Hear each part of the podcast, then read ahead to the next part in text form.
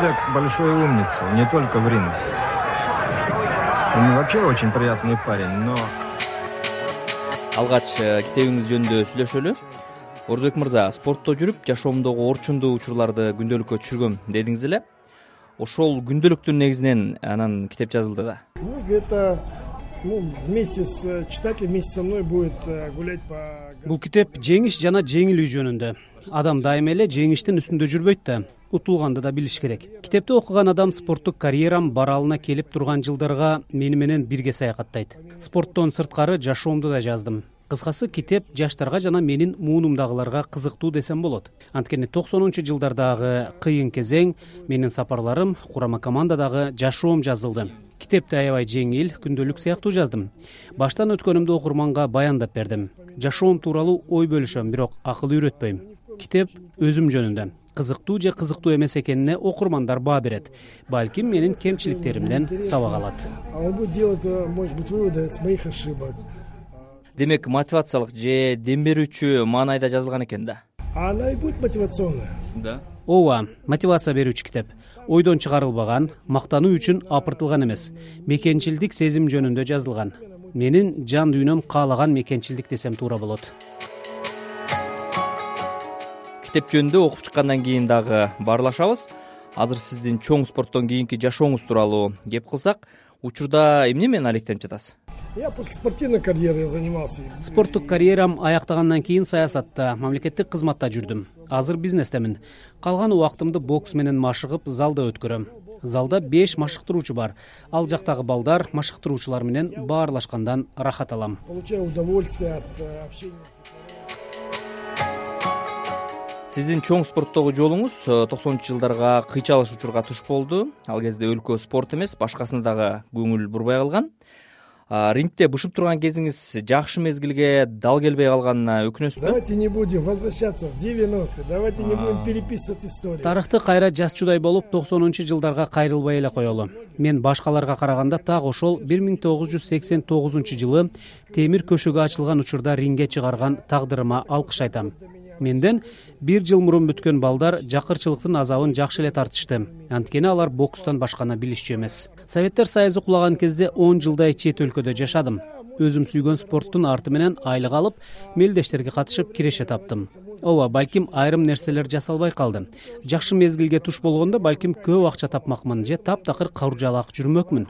Ошол учурда ошондой шартта болгонума кудайга шүгүр эми сиздин саясаттагы карьераңыз жөнүндө сүйлөшсөк. Саясатта көпкө деле кармалган жоксуз. Деги эле ушул саясатка кантип келип калдыңыз кантип аралаштыңыз? Знаю политика. Саясат кызыктуу иш. Кийин ага дагы кайтып барышым мүмкүн.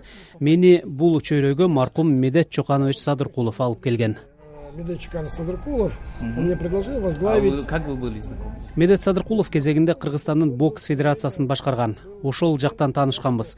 Бир миң тогуз жүз токсон сегизинчи жылы франциядан кыргызстанга кайтып келдим. Мени аба майдандан эч ким тосуп алган эмес. Акаевке дагы башкасына дагы керегим жок экенин сезип бийликке катуу таарынып жүрдүм.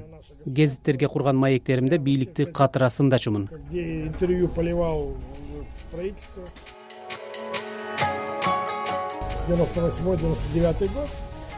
Бир миң тогуз жүз токсон сегизинчи токсон тогузунчу жылдары медет чоканович өзүнө чакыртып калды. Ал абдан акылдуу билимдүү эстүү киши болчу. Ошентип ал киши мени саясатка алып келген. Ал негиздеген жалаң интеллигенциядан куралган моя страна партиясына кошулуп көп нерсени үйрөндүм. Он жыл сыртта болгондуктан саясатка келип кыргызстандын кандай өнүгүп жатканын ичинен көрдүм. Андан кийин өлкө экономикасын көрүү үчүн салык полициясында иштедим эки миң алтынчы жылы шаардагы спорт комитетин жетектеп анан ак жол партиясынан депутат болдум. Ал ошол кездеги президент курманбек бакиевдин партиясы эле.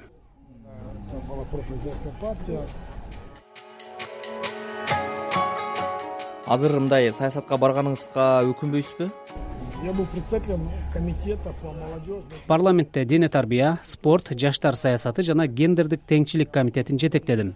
Жаштар жана гендердик саясат боюнча демилгелеген мыйзамдар азыр да иштеп жатат. Андан кийин жаңы бийлик келди. Каралоо башталды. Ошондо сүйүктүү ишим коомчулуктагы милдеттерим бизнесим менен кеткеним эле оң экенин түшүндүм. Я так понял что у меня есть любимое дело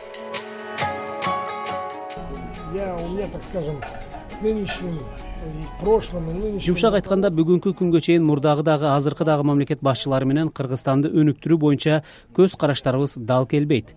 Балким бир күнү тажрыйбам жана билимим менен мамлекетке кайрадан керек болом. Мен экономикага бажы укуктарына же медицинага кийлигишпейм спортту кантип өнүктүрүштү жакшы билем. Азыр жаш балдар менен иштеп коомчулукта өз миссиямды аткарып жатам миссиям. Бул журналисттер менен маек куруу китеп турмуштук кадамдарымды окурмандарга бөлүшүп кимдир бирөөлөрдү жаман иштерден сактоо. Вытаскиваю с плохой жизни вытаскиваю с плохих мыслей. Кыргызстан күздөн бери эле бир топ саясий окуяларды баштан кечирди. Байкоочу катары ушул учурда ушул абалга эмне деп айтат элеңиз? Заниматься своим делом. Не надо если ты медик заниматься медициной если ты политик. Ар ким өз ишин кылыш керек? Медик медицина саясатчы саясат дыйкан дыйканчылык менен алектениш керек. Сен дыйкан же коммерсант болсоң саясатка аралашпа. Жөнөкөй курулушчу болсоң депутат болуп эмне кыласың? Биринчи жер титирөөдө кулап калбагандай кооз үйлөрдү сал. Дыйкан жерден мыкты түшүм алганды билиши шарт азыр баары саясатка аралашып кетти. Баары эле акыл үйрөтүп баары эле президент болгусу келет. Эмне кылышты баары айтат бирок кантип жасашты эч ким билбейт. Андыктан ар бир кыргызстандык өзү мыкты үйрөнгөн ишти кылганы оң. Эч нерсе кылганды билбесең жок дегенде башкаларга зыяныңды тийгизбе. Заниматься тем чему обучен. А если уж не обучен эми өлкөдөгү спортчулардын абалы жөнүндө сүйлөшөлү. Бизде чоң спорттон кийин бизнеске же саясатка кетишет ошол эле учурда криминалга да кетип калгандар бар. Мунун себеби эмне болуп атат? Ушул криминал менен спорт аралашып жүрөт деген да сөздөр э, мындай айтылат. Это жизнь. Кто то уходит э, в милицию кто то уходит. Жашоодо ар кандай болот? Милицияга коопсуздук кызматына бизнеске же башка чөйрөгө кетип калгандар бар. Өкмөт баары бир социалдык камсыздоо кылышы керек деп эсептейм. Арыздангым келбейт менде баары жакшы. Мен жарым жашоомду спортко арнадым.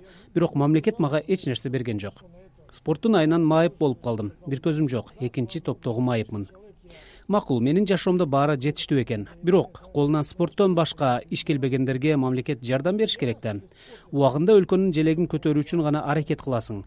Кесип үйрөнүп же билим алууга ылайыктуу куракта залда убакыт өткөрөсүң.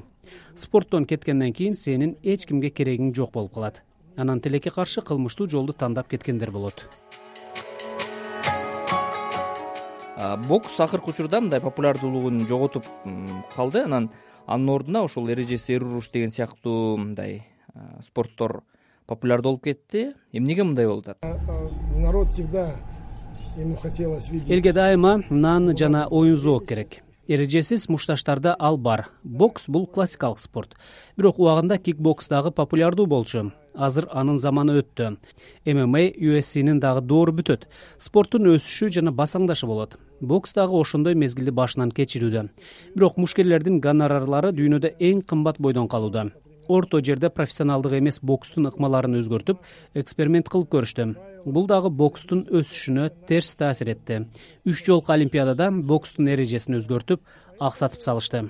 Бокс возвращается а его ломали три олимпиады. Это порядка двенадцати борбор азияда боксту өзбекстан өнүктүрүп алдыга чыгып кетти ал эми кыргызстандагы абал анча жакшы эмес. Э, мунун себеби эмне болуп атат мындай? Кыргызстанда бокстун дарыметин кандай баалайт элеңиз?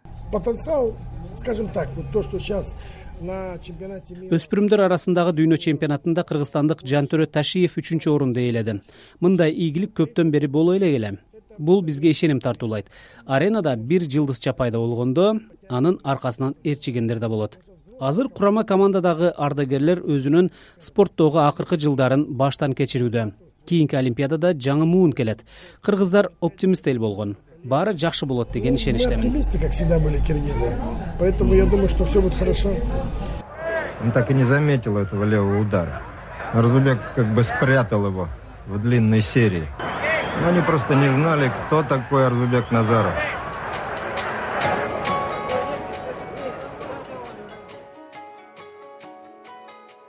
токтосун шамбетов азаттык